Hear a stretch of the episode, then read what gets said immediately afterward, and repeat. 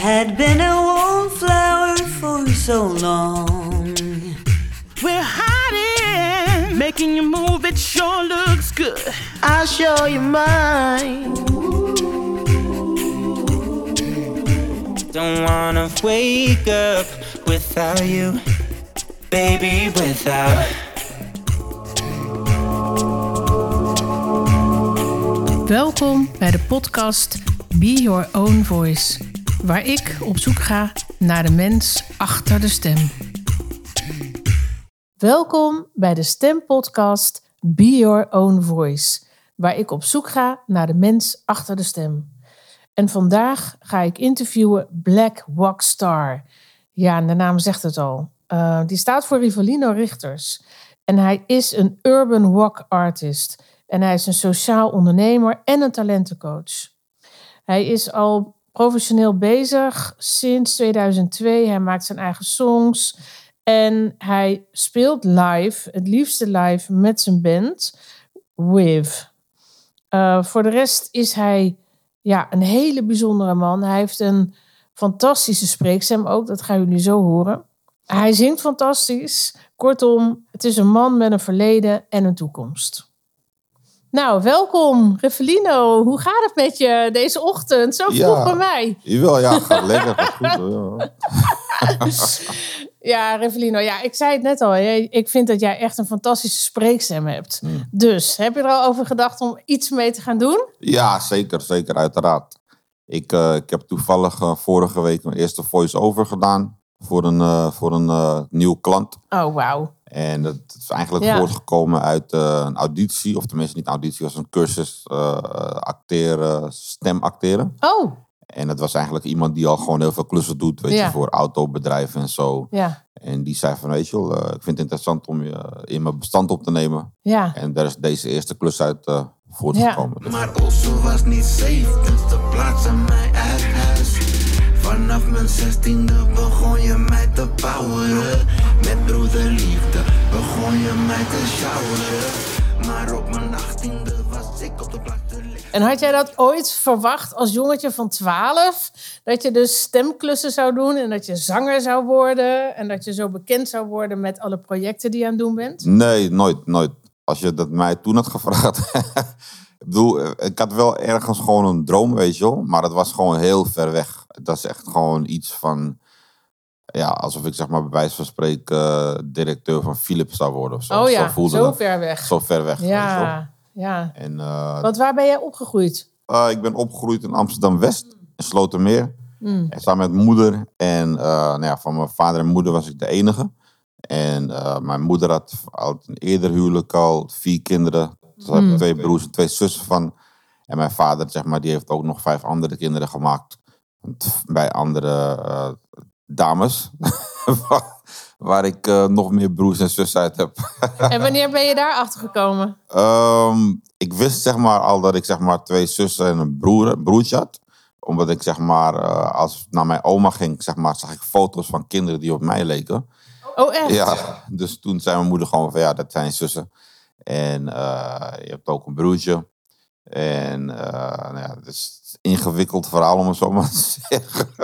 Maar dat is grappig, want ik heb dat ook meegemaakt bij mijn oma. Ja. Dat er stond een foto op de, echt letterlijk, in, die woonde in Amsterdam een halve maand sta, steeg. Dus het is echt bij de munt. ja.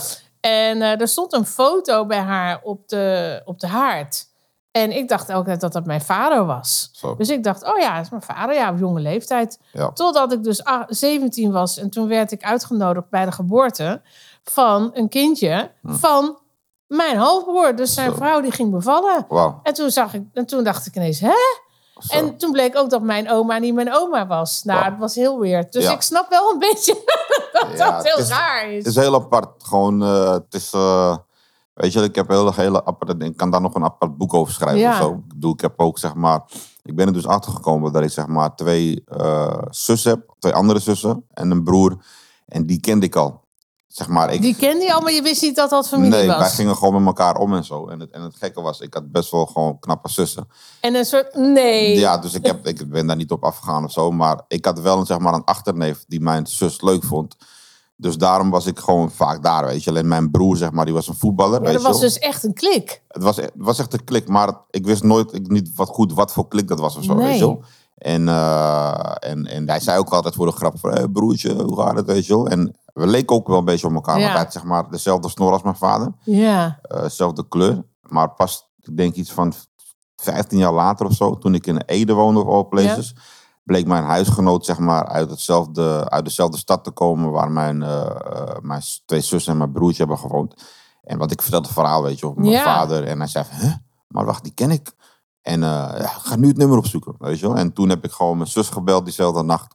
En toen hebben we twee uur aan de telefoon gezeten. En eh, uiteindelijk heeft zij alles verteld, want zij wist Zij wist het van toch iedereen. wel. Oh. Dus zij heeft gewoon uitgelegd dat ik hier een zus had, daar een broer en daar een zus. Oké. En eh, toen heb ik uiteindelijk binnen een jaar iedereen ontmoet. Jeetje. En eh, met mijn broertje heb ik nog gewoon het meeste contact. En met mijn Hmm. zus. En met de andere heb ik eh, ja, iets minder contact, weet je wel. Hmm. Gewoon, ja. ja, je weet dat je er bent. Je weet dat Ja. je er bent en je hebt Ja. een bloedband met elkaar. Ja. Maar het is verder niet echt, ja, je bent niet met elkaar opgegroeid. Nee. Dus, dus ja. Nee. En, ehm, maar als, als jong jongetje, bedoel, was jij een, een happy jongetje? Was je lekker aan het voetballen? Was je muziek aan het maken? Of, eh, hoe- Ja, ik was wel veel met muziek bezig. Mm. Weet je, zeg maar toen, weet je, MTV, Ja. Super Channel, Sky TV. Dus ik was heel erg bezig met gewoon de muziek in me op, opnemen. ja. Ik kende alle clips, weet je wel. Mijn broers brachten cassettes naar me toe, mixtapes. Waardoor ik heel veel nieuwe muziek leerde kennen. Ja. Mijn moeder had een hele grote platencollectie. Oh, en dan Eh, mocht je ook aankomen? ja, ik, zeker. Ik mocht dat thuis niet hoor. Ja, ik mocht niet aan de LP's komen. Nee, ik ging er wel aan zitten inderdaad, ja. En mijn, mijn zus had ook gewoon een hele grote cd-collectie. Hmm. Dus ik was eigenlijk ieder weekend bij haar om gewoon alle cd's uit te proberen. Ja, En gewoon de so- songboekjes door te Ja. nemen. ja, En, en terwijl ik zeg maar bezig was met het, eh, weet je, een soort van categoriseren van die, van die songteksten, leerde ik eigenlijk ook onbewust songwriting, weet je wel. ja, want wat jij zegt, dat, dat vind ik nu wel heel erg jammer. Want eh, bij het uitbrengen van LP's en CD's, dat gebeurt bijna niet meer. Eh, maar ik mis wel heel erg de, hoe het uitziet, weet je wel? Eh, de teksten erbij en Mhm. waarom het. En dan gewoon een personal note. Ja. En dat mis ik heel erg. Ja, ik en daar leerde je ook van, toch? Dat je dat helemaal ging analyseren van hoe ziet dat er nou uit? Het is super leerzaam, weet je Ja. wel. En het is eigenlijk voor, voor de jeugd van nu is het gewoon niet meer vanzelfsprekend dat je de tekst zeg maar gewoon gaat bestuderen. Nee. Weet je wel, het is dat artwork is juist heel mooi. En dat boekje doornemen, de foto's en dan de teksten. Ja, het is echt authentiek. Dan zie je, zag je ook echt wie die, wie die artiesten zijn. Ja, ja weet je Ja. wie de producer was, Ja. weet je wel, wie de muzikanten Ja. waren. Ik vond het allemaal interessant. Ja, ik ook. Dus eh, ik echt nam het helemaal in me op en zo. En, en eh, nu, ja, nu horen ze een liedje en klaar, weet je wel. Van foto naar foto.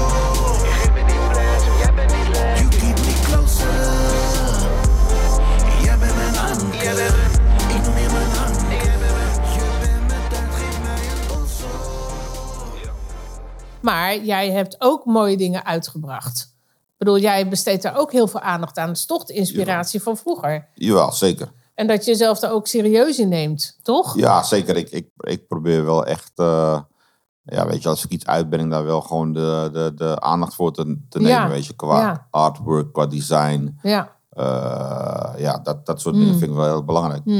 En ehm, ben jij... Want wat was jouw eerste echte muziek-experience? Dat jij echt op het podium ging staan en dat je dacht van... Oh, wauw, dit wil ik. Ehm, de, ja, de eerste echte muziekexperience was eigenlijk meer een soort van playback ding, weet je wel. Ja, toen zeg maar, in mijn tijd was... Playback, hè? Ja, toen de playback show, weet je wel. Oh. En, die, en die huisman. Oh, En, heb jij meegedaan? Nee. Maar mijn- wel thuis lekker in de kamer. thuis meegedaan, ja. ja. Mijn broertje heeft wel toevallig meegedaan aan de play, mini playback show. Oh. Hij heeft toen gewonnen, zeg maar, Oh. eh, met Gregory Abbott, Shake You Down. Oh? Oh? Ja, mijn broertje die is ook gewoon eh, een tijdje lang professioneel zanger geweest. Oké. En eh, hij is hier nog steeds eigenlijk, maar hij Ja. heeft ook gewoon andere dingen erbij. Nou, Maar daar begon ik eigenlijk zeg maar, dat te, imiteren, weet je. Dus Mm. we gingen vaak gewoon op de, de crash, eh, na school, eh, naar de opvang, gingen Oh, we ja. gewoon eh, nummers opzetten en gingen we wat Ja. nazingen. ja, En dat was natuurlijk gewoon nog playbacken. ja. En ja, ik denk zeg maar, het moment dat ik echt voor het eerst ging zingen, ja, Maar dat is als jongetje is dat denk ik toch wel anders, hè? Volgens Ja. mij ga je je stem pas vinden als je wat ouder bent. Ook als je uit de puberteit bent. Ja, Ehm, en ik weet niet hoe dat voor jou is geweest. Maar voor mij was het zingen echt een, een veilige haven, zeg maar. Dus voor mij was het echt dé uitlaatklep. Mhm. En bij mij klonk het dan al heel snel opera. Tenminste, het klonk klassiek. Daar kon ik niet zoveel aan doen. Ehm, en voor jou, hoe, hoe was dat dan in jouw ja, puberteit, zeg maar? Nou ja, ik begon pas echt met zingen toen ik eh 17 was, volgens mij. Even kijken, 17, 16. Mhm. En eh, ja, toen klonk mijn stem nog echt nergens Zo, naar. uh, Gewoon, echt in mijn hoofd had ik al perfect door van zo hoorde te klinken. Ja. Maar ik moest nog echt heel erg mijn stem trainen. Ik kon wel goed rappen, Mm. eh, want ik was heel erg gek van rapmuziek. Ja. En ook vanwege de teksten. Ja. Dus ik begon al teksten te schrijven toen ik 14 was. Ja. Eh, dus ik was wel heel erg sterk al qua rap en zo. Ik kon, Maar had jij niet ergens ook je roots in de gospel? Ehm, ja, dat kwam later eigenlijk. Want, want ik eh, op mijn eh 16e, zeg maar, toen eh, ja. kwam ik in een kerk terecht. Ja. Amerikaanse kerk in Amsterdam. En dat was na een hele lange zoektocht, weet je wel. Een soort Ja. van spirituele zoektocht. Maar ging je daar alleen naartoe op je zestiende? Dat is wel bijzonder. Ja, eigenlijk wel. Ik was echt gewoon... ja, ik heb me verdiept, weet je, in verschillende ja, geloven, religies. En, en ik vond heel veel rust gewoon binnen die kerk. Mhm. En daar waren ze veel bezig met muziek, weet je wel. Mm. Eh, Nederlandstalig, Engelstalig, Ja. eh, traditioneel, Amerikaans, volkachtig. ja. Oh, dus alle stijlen door elkaar Alle toch wel? stijlen door elkaar, inderdaad. En, en ja, de, de inhoud vond ik natuurlijk heel erg belangrijk, Ja. weet je wel. Want het bracht me echt gewoon heel veel rust. Het bracht Ja. me zeg maar dichter bij God, als het ware.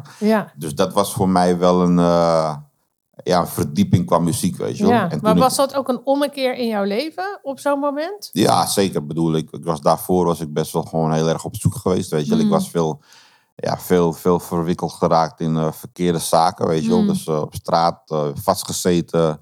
Eh, en dat, ja, dat ging maar door. En op een Mm. gegeven moment, zeg maar, toen ik vastliep, heb ik echt gewoon eigenlijk binnen, binnen dat geloof rust gevonden. Dus eigenlijk ben jij zelf op zoek gegaan naar... hey, het moet anders. Ja. Eh, ik heb geen rust bij mezelf. Eh, is, was dat schaamte? Of zat je echt vast? Of waar, waar kwam dat vandaan? Ja, het is echt vastlopen, weet je. Ik zat Mm. echt in een soort van depressie. En eh, ja, dat ik echt dacht van, dit is niet wat ik wil. Maar kreeg je dan geen hulp als je in de... Want je, hebt een jeugddetentie je? gedaan. Ja, ik, het, het- het- ik denk zeg maar dat de jeugddetentie was toen gewoon nog gewoon beperkt tot en met van, weet je wel, eh, goed je best doen. Mm. Niet, eh, niet, niet vervelend doen. Mm. En eh, goed luisteren. Oh, en dat was het. En dat was het en zo. Het was niet echt heel diepgaande therapie of ja, zo. dus je voelde je niet geliefd, gewaardeerd. Of, Nee, of zo van, oké, Rivelino, we gaan je leven anders inrichten. Zullen we dat en dat gaan doen? Want had je dan geen school? Of, Ja, er was op Wel, school, weet je, er was dan wel zo'n psychiater op school, weet je wel. Ja. Maar die, die kon vooral zeggen van, ja, hij is verhard geworden. En, Oh. eh, en eh, ja, hij is wel anders nu. En, oh, maar dat was niet echt iets wat ik, had zo'n van warm gevoel van, oké, Nee. jij gaat mij begeleiden, weet je wel. oké. Het was gewoon heel erg klinisch, zeg maar. Ja, ja, ja. Zo van, je bent een van de zoveelste. Je bent een van de zoveel en je doet het niet goed. Ja. En eh, ja, je moet het Ja. anders gaan doen, wat gaan doen, weet je wel. Ja, En dus, dus ik, daar, daar, daar had ik niet echt zeg maar, een soort van warm gevoel bij. ja, maar wat mooi dat je dan in een gemeenschap ehm, wel die herkenning krijgt. Ja. En, want toen ben je in het praise team gegaan. Ja, klopt. Ik eh, begon gewoon, het was eigenlijk een soort van jeugdgroep en iedereen maakte muziek, weet je wel. Mm. En er waren best wel jonge kids en zo soms die gewoon echt al goed instrument Ja. bespeelden. Oh ja, Dus voor mij was dat best wel een soort van ook eh, inspiratie. inspirerend. Ja. Ik dacht van wauw, als jij dat kan, dan moet ik dat ook kunnen, toch? Ja, ja, ja, en. Dat, dat zorgde ervoor dat ik voor het eerst een gitaar oppakte. Oh, En dat ik eigenlijk gewoon eh, zelf eh, songteksten begon te schrijven. Ik dacht van oké, ik moet een akkoord eh, spelen. en ik moet er een tekst bij schrijven. Ja. Hoe moeilijk kan het zijn, weet je wel? dus zo begon het. die is echt heel grappig. Ja. Maar dat is ook het begin. Ja, ja. Het is ook het begin. En had je toen echt zoiets van... oké, ik ga de wereld veroveren met mijn revolutionaire liedjes? Of... ehm, Ik had vooral echt dat ik zeg maar de wereld in wilde gaan om een, eh, een, een positieve boodschap te brengen. Ik had niet zozeer dat ik zeg maar de wereld wilde veroveren. Maar ik wilde wel echt de wereld intrekken. ja, En ehm, dat gevoel zeg maar, van de wereld veroveren heb ik later wel gehad, weet je wel. Dat ik echt zeg maar rockster Maar heb wilde. jij nog steeds wel een beetje... Jawel, ja, ja, ja. Ja. Maar dat zit een aard van het beestje, weet je wel. Eh, dat, dat, zit er wel, dat zit er wel in. Maar ik heb altijd wel gewoon die soort van die activistische, socialistische Ja, inslag. Maar dat moet toch ook? Tenminste, Jawel. ik vind dat we wel dat soort mensen nodig hebben. Ja, Ik vind dat is soms veel te braaf allemaal. Nou, je- Niemand je- staat echt een beetje op. Ja, je merkt gewoon dat, dat, dat, dat gewoon, weet je wel, de gasten zeg maar die, weet je wel, de, de, de, de ja, rocksterren zijn en, en, en dergelijke. Op een gegeven moment lopen ze toch een beetje vast, weet je wel. Ja. Als je zeg maar niet verdieping eh, vindt Ja, en verdieping brengt, weet je. Alleen ik, had- ik had toevallig een heel leuk gesprek eh, eh, kort geleden met, met Dinant, weet je, van Ja. Kane. ja, En we was, waren elkaar tegengekomen op, gewoon online. ja, En nou, hij blijkt ook gewoon echt een stukje verdieping te hebben gevonden, weet je wel. Binnen zijn muziek, binnen, zijn, binnen zijn leefwereld. ja. En, en dat, dat is mooi om te zien, want je ziet echt zeg maar gewoon ja, een beetje een verschil zeg maar, met hoe die, weet je wel, eerst binnen Kane was. Gewoon echt rock and roll Mm. en, en, en de wereld veroveren. En nu ook, maar dan gewoon meer echt ja, iets moois brengen, iets Ja. toevoegen aan de wereld, weet je, meer Ja. verdieping. Maar je kan dat pas zien achteraf. Je kan niet van tevoren bedenken als artiest... nou, ik ga nu verdieping zoeken. en nu ga ik nu... Maar dat werkt niet zo. Nee. Want jij, hebt, jij bent pas erachter gekomen dat je eh, ook in jeugdgevangenissen wilde werken. Ook als inspiratie. Voor jezelf, maar ook voor die mensen daar. Ja. En wat ik heel erg mooi vind, is dat jij ehm, zij ook op een, dat je die mensen ook op een andere manier eh, belicht. Mhm. Dus dat jij ze eigenlijk die ehm, warmte geeft die jij gemist hebt. Klopt, klopt. En dat je ze ook ziet staan. En dat je ook zegt van ja, maar je kan, wel iets, je kan er wel iets mee. Mhm. En natuurlijk hoeven niet allemaal eh, Black Rockstar te worden. Nee, Maar je kan wel missie. mensen leren om te uiten. Dus expressief te zijn door middel van, nou ja, noem, maar- noem maar wat jij allemaal doet. Ja.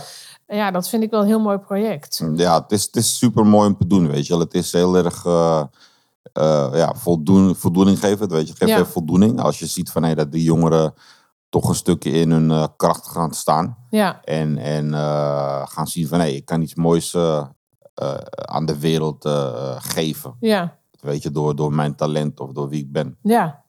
Met welk project ben jij nu bezig, Evelino? Want er is iets uitgekomen, dat heet Bloedband. Klopt, ja. Is dat een verzamelproject van alles wat je de afgelopen jaren hebt gedaan? Ehm, ja, er komt wel veel in voort. Eigenlijk Bloedband is een boek eh, wat verhalen vertelt over relaties in en uit detentie.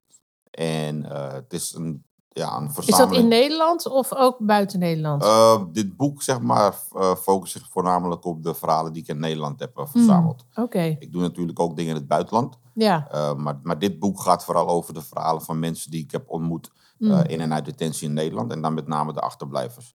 Dus bijvoorbeeld de moeder, de, de vader, het kind van het broertje of het zusje. Oh, En want hun verhaal, ja, dat wordt nooit echt vaak belicht. Weet je Nee. Maar ik heb gemerkt dat hun verhaal ook heel belangrijk is om te delen. zeker. Eh, omdat men dan toch wel gewoon iets meer begrip kan krijgen van oké, wat voor impact heeft het voor hun Ja, als iemand in detentie komt. ja, En soms kan je dan ook beter begrijpen waar iemand vandaan komt als Ja. dader. ja, Eh, zonder het verder goed te praten natuurlijk. ja. Uh, maar ik denk dat het gewoon een open dialoog uh, kan, kan bevorderen, weet je, binnen de maatschappij. En dat was een beetje het idee achter dit boek. En daarom heet het dus bloedband. Omdat iedereen, dat zijn natuurlijk allemaal mensen die een, een band hebben met, Met- ja, een bloedband Klopt, inderdaad. ja. En het is, de bloedband is natuurlijk gewoon enerzijds door, weet je, door biologisch. Ja, uh, maar anderzijds ook gewoon door verhalen. Die zijn als het ware universeel en die brengen mensen altijd samen, weet je. Ja. Uh, iedereen heeft wel een moeder of een broer of Ja. een zus. Dus iedereen kan zich wel op enigszins, uh, op enige wijze, zeg maar, erin Ja. herkennen. En je hebt er muziek bij geschreven. Klopt, ja. ja. Ik heb hele toffe soundtracks erbij gemaakt. Echt heel gaaf. En uh, dus als je in het boek uh, kijkt en je drukt op de QR-code Ja. aan het einde, ga je naar Spotify of YouTube. Ja. Uh, ik moet nog twee tracks afmaken en dan komt het album ook uit. Oh, wauw. Dus het wordt heel Ja. tof, een heel mooi album met ook een paar mooie clips erbij. Ah, mooi. Dus het is uh, mijn eerste volledig Nederlandstalige album. Oh, Nederlandstalig ook? Ja, ja. Oh, ja. Ik heb uh, daarvoor eigenlijk voornamelijk Engelstalig gedaan. Met Hmm. hier en daar een, een uitzondering. en zijn die nummers dan gebaseerd op de verhalen? Klopt, ja. ja. Dus je hebt bij een moeder, zeg maar, En daar heb je zelf over geschreven. Ja, ik heb gewoon letterlijk dat verhaal gepakt. Mm. En daar heb ik dan zeg maar het nummer over geschreven. Mm. Soms ook een beetje met eh, iets van mijn eigen ervaring. Want Mm. ik heb bij ieder thema, bijvoorbeeld moederschap of vaderschap of broederschap, Ja, heb ik ook mijn eigen verhaal verteld. ja. Eh, dus Ja, want jij bent ook vader. Ik ben ook vader. En je inderdaad. wordt nog een keer vader. Ja, ja, ja. Komt een, eh, komt een derde aan nummer drie. Dus dat is heel tof. Dus Ja, daar zijn we nu druk mee. ja. Ja, dus, dus ja, dat, dat, dat is een beetje waar ik momenteel druk mee ben. En om het te presenteren ook in de jeugdgevangenissen, op scholen. Ja, Maar ik kan me wel heel goed voorstellen dat jij een rolmodel kan zijn voor kinderen die uit hele vervelende situaties komen. Mhm. Want kijk, ik geloof zelf niet dat je geboren bent om te gaan stelen of, die, of te, weet ik veel, noem het allemaal maar op. klopt. Het zijn vaak de situaties eh, en je wil erbij horen. En Ja. ik denk juist voor kinderen dat het zo belangrijk is dat jij laat zien van... hé, hey, kijk, ik ben ook vader, Ja. ik rij ook in een auto... eh, ik heb ook gewoon een huis, ik heb ook mijn verantwoording. Ja. Ehm, voel jij dat ook zo? Krijg je dat ook zo terug? Krijg je wel eens verhalen terug na een paar jaar? Zo van, hé, hey, Zeker, jouw zeker. verhaal heeft me geïnspireerd? Ja, zeker. Ik, ik eh, kom regelmatig gewoon mensen tegen, weet je, die zeggen van, nee, weet je, eh, je bent toen langs geweest. Ja, Of ik heb je toen, zeg maar, gehoord in het programma. ja, Eh, of ik heb je boek gelezen, herkenbaar, dank je wel daarvoor. ja. Dus er zijn zeker wel echt momen- me- momenten dat mensen zeggen van, nee, ik heb er wat aan gehad, weet je wel. En vooral omdat ik ook gewoon, ja, mezelf daarin ben. Ik probeer mezelf niet beter voor te doen Nee. of zo dan de ander. Nee, Maar ik zeg gewoon van, weet je wel, ik heb gewoon eh, mijn ups en mijn downs gehad. En, eh, maar ja, je blijft toch zeg maar toewerken naar, eh, naar een, een betere toekomst. Ja, een betere nu. Want hoe zou jij dat dan nu... Ik bedoel, stel ze zouden tegen jou zeggen... Oké, Rivelino, jij bent nu de baas over twee, drie jeugdintenties. Hoe, zou je, hoe zeg je dat eigenlijk? Jeugd, Jeugdgevangenis. jeugd echt, heet het nog steeds gevangenis? ja, of jeugd, in, uh, even kijken, Ja, jeugddetentiecentrum. Ja, jeugddetenties. Nou, in ieder geval... benamingen, Ja, je wordt opgesloten. ja, klopt. maar als jij daar de leiding over zou hebben, wat zou jij veranderen? ik denk zeg maar dat ik nog meer eh, eh, ja, open gedeelten zou hebben. Hmm. Waarbij ze zeg maar nog sneller worden gekoppeld aan rehabilitatie. Dus Dat- meer vertrouwen geven. meer vertrouwen geven. Hmm. En meer, meer, eh, ja, meer eh, eh, matchen met de maatschappij, weet je. wel. Want Oké. het gebeurt al op sommige plekken. Hoor. Je hebt zeg maar een aantal kleinschalige Maar voorzieningen. wat noemen doe, je dan? wat bedoel je dan? Matchen met de maatschappij? Wat ik daar eigenlijk mee bedoel is dat ze zeg maar eerder terug worden gezet in de maatschappij. Om bijvoorbeeld te gaan werken of richting school te gaan. Of maatschappelijk dienstplicht te doen of zoiets dergelijks, weet je wel. Eh, dus dat ze zeg maar gewoon eigenlijk gaan leren reïntegreren. Maatschappelijk dienstplicht. Ja, ik, dat is een, iets wat ik heb gehoord hoor. Het is Ja, maar ik dienst- vind dat wel mooi. Ja, ik vind sowieso dat dienstplicht wel heel goed zou kunnen werken voor, eh, Zeker. voor ja, mensen die opgroeien. Ik bedoel, ik had heel graag, ik was heel graag in dienst gegaan. Ja. Echt waar. Ja. Je leert daar zoveel. En je leert ook gewoon onder discipline werken met andere mensen. Precies. En eigenlijk is dat in de maatschappij ook zo. Maar ja, goed, ik, ik heb Ja, daar misschien een ander idee over. Maar nee, maar ik denk zeg maar dat gewoon de, de basis die je zeg maar krijgt gewoon door, weet je, verplicht een aantal dingen even door te gaan van wat is het nou om eh, discipline te hebben, wat is het nou om gewoon te leren op tijd Ja. te staan, structuur in je maar leven te discipline hebben. is niet negatief. Nee, zeker niet. Het brengt jou gewoon structuur. Zeker. Het brengt gewoon heel veel, Ja. weet je wel. En, en eigenlijk zou, zou gewoon daar nog meer de focus op moeten, Ja. moeten gelegd worden. En je moet natuurlijk wel kijken van, van wat voor persoon is het. Kan iemand met zulke verantwoordelijkheid omgaan? Ja, Eh, dat is zeg maar gewoon iets wat je zeg maar per persoon zou moeten uitvinden. ja, ja. Maar ik denk gewoon dat ik ja, nog meer eh soort van open kampen zeg Mm. maar, zou eh, introduceren. Oh, echt open kampen. Ja, en, Ja, en, de- en vind jij de, de straffen naar, naar kinderen, want we hebben het echt over jeugd, dus toch zijn toch kinderen, zijn die, vind jij die te, te hoog of te laag? Of heb je zoiets van, ja, dat kan... Maar je zegt sowieso eigenlijk al van, geef ze meer vrijheid en, ver- en verantwoording eigenlijk. Ja, ik zou zeggen gewoon binnen, binnen de beperkingen die ze kennen, Ja, eh geef ze daar meer eh, mogelijkheden. ja, Want soms zeg maar, dan, ja, dan zitten ze binnen, maar dan is zeg maar de, de, de, de mogelijkheid om je zeg maar verder te ontwikkelen, is soms ja, een beetje beperkt. Ja. Want wat doe, je- wat doe je dan eigenlijk? Ik bedoel, waar ga je werken dan uiteindelijk? Waar verdienen ze hun geld? Het verschilt gewoon echt Ja. bij de jongeren, weet je wel. Ja. Eh, sommigen die gaan eh, ja, doorstuderen. Mm. En, en die gaan zeg maar gewoon voor een, eh, voor een, voor een functie. Ja, Richting bouw of richting loodgieten. ja, En anderen zeg maar die gewoon iets slimmer zijn, weet je. Die gaan echt, weet ik veel, richting economie of zoiets dergelijks. En anderen die weten het nog totaal niet. weet het totaal niet. Eh, Nee. maar ik, ik denk gewoon, als je zeg maar zo snel mogelijk eigenlijk gaat leren wennen van oké, stel dat ik terug zou komen, Ja, wat kan ik doen op een positieve wijze? ja. Eh, dat je dan zeg maar gewoon sterkere kinderen hebt, weet je wel. En, Mm. en wat ik vooral merk is dat veel best wel gewoon met hun ervaring wat willen doen als ervaringsdeskundige. Ja, Dus dat ze eigenlijk jongerenwerk. jongerenwerk inderdaad. Dus ik merk dat dat gewoon wel heel erg populair aan het worden is. Mm. Eh, maar ja, de mogelijkheid daartoe is Ja. niet altijd zeg maar heel eh, groot.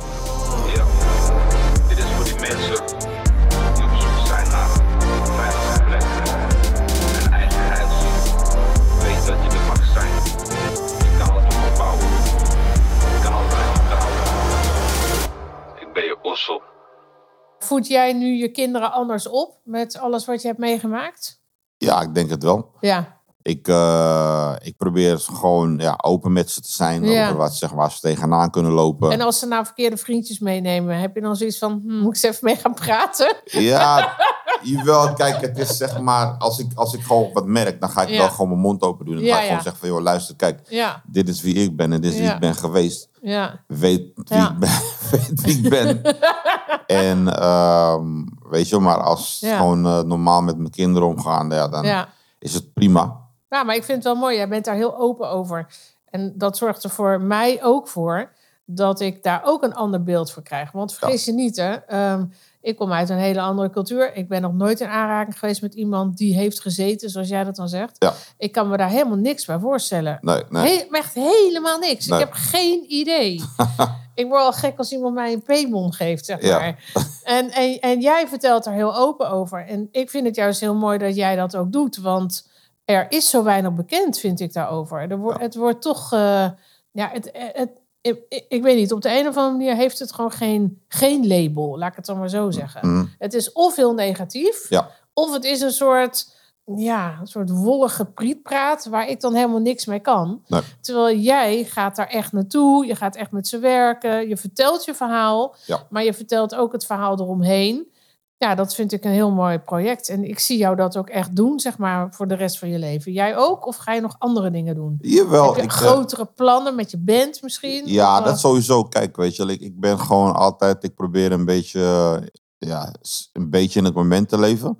Dus ik probeer dan te kijken van, oké, wat, wat voelt op dat moment zeg maar goed, weet je, Ja. waarvan ik denk van, oké, is dit nu mijn roeping? Ja, Eh, en ik heb nu het idee dat dit zeg maar gewoon mijn, mijn, mijn hogere roeping is, zeg maar. ja, Eh, maar het kan ook zijn dat het op een gegeven moment zeg maar gaat shiften, weet je wel. Ik, Ja. ik heb altijd wel gewoon het idee gehad eh, om misschien een soort van school op te zetten, zeg maar, in een sloppenwijk of zo. ja, Of, eh, of een centrum voor, voor talentontwikkeling. ja, En dan, of in Suriname of Brazilië Ja. of Aruba. ja, Ehm, ja, ik, ik ben wel gewoon een soort van avontuurlijk ingesteld. En mijn vrouw gelukkig ook. ja, Eh, die is ook wel een reizen. Eh, dus ik zie ons nog wel over een aantal jaren, als, weet je, als mijn dochter oud genoeg is natuurlijk, ja. dat we zeg maar gewoon ergens in het buitenland gaan vestigen en Ja, daar wat gaan doen. En eh, ja, Kom kijk, ik even langs. ja, toch, ja, gezellig. Je bent Dat welkom. is echt super chill. Ja, nee, kijk, en ik, Ja. ik, weet je, ik, ik, ik zeg altijd gewoon, the sky's the limit. Ik geloof dat alles, zeg maar, mogelijk is.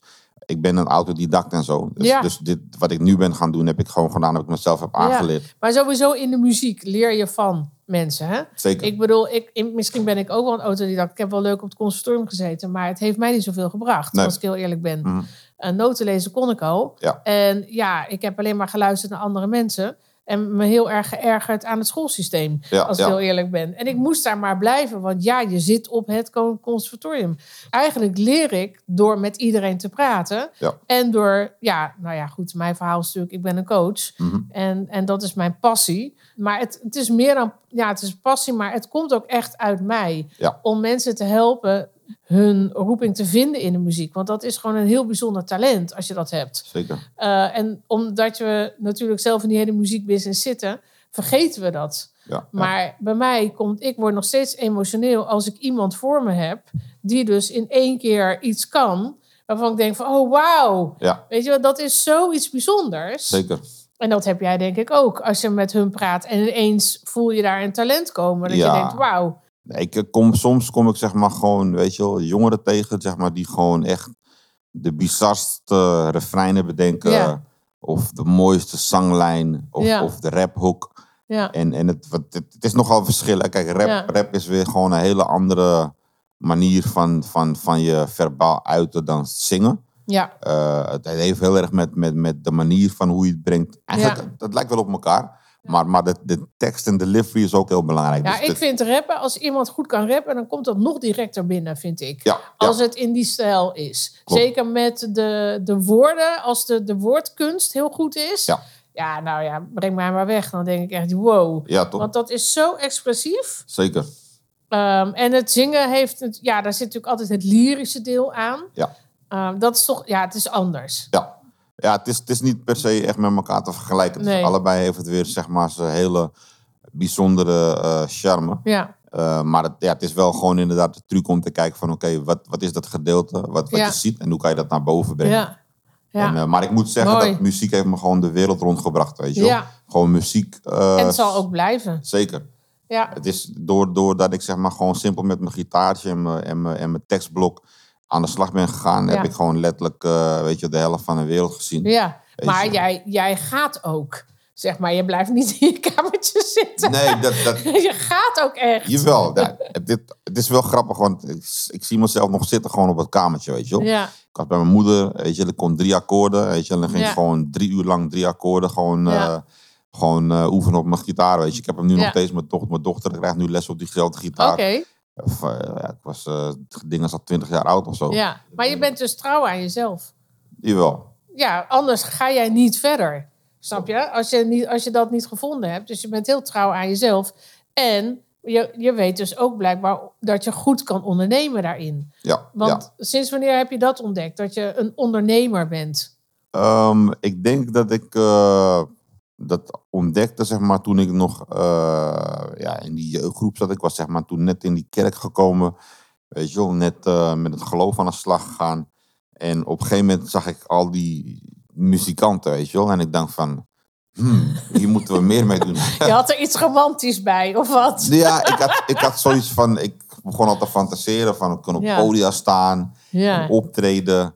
En eh zei ik van ja, zouden jullie een band willen starten, weet je wel? Zei ik, ja, ja, tof, tof, tof.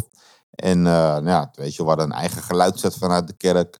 Dus we gingen gewoon zelf eh, shows organiseren. En dan kregen we dan, zeiden van ja, geef maar wat je wilt, weet je wel? ja. En dan kregen we soms eh 250 gulden. En dan was wow. Zo, is echt Dat, veel. dat, dacht van wauw. Wauw, ja, dat is superveel als Dat je jong bent. Dus wij dachten van oké, wauw. Dus, dus Ja. wij gingen gewoon ja, ermee aan de slag.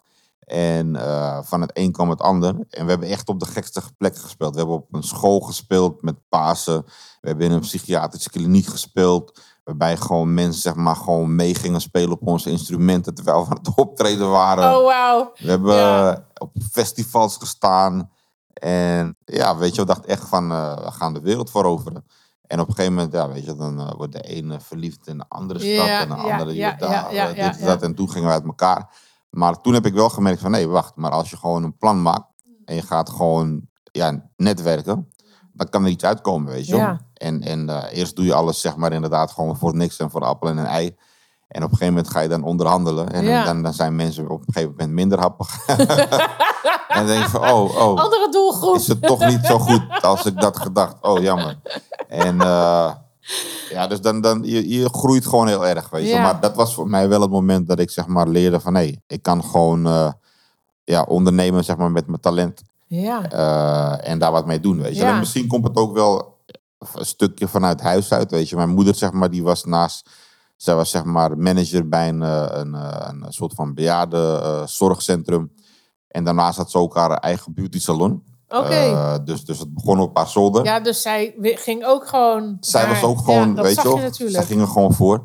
Ja, En dat ondernemen, eh, ja, dat, dat, dat heb ik toch wel gewoon eh, overgenomen. Ik dacht van, weet Ja. je, als je iets wil, wil doen, dan moet je gewoon ervoor gaan. ja, Een plan maken en gewoon, ja, uitpakken. Ja, want jij gaat ook met je band in gevangenissen spelen. Klopt, ja. Hoe, hoe werkt dat dan? Ja, eh, ja, Zo'n Johnny Cash, maar dan in Nederland. ja gewoon, eh, weet je, afspraken maken Ja. en een programma schrijven. Dus er zitten workshops aan vast, waarbij En hoe is jongeren... die sfeer dan? Ik bedoel, kennen ze je? Of zijn ze een beetje van, oh ja, nou hebben we geen zin in? Nee, verschilt, Of, eh, zeg maar. Ik heb, ja, ja. weet je, ik heb bij jeugd gespeeld waar ik al vaker kom. Is dat alleen maar mannen trouwens? Of is dat gemixt? Ehm, ja, groot gedeelte is wel mannen. Hmm.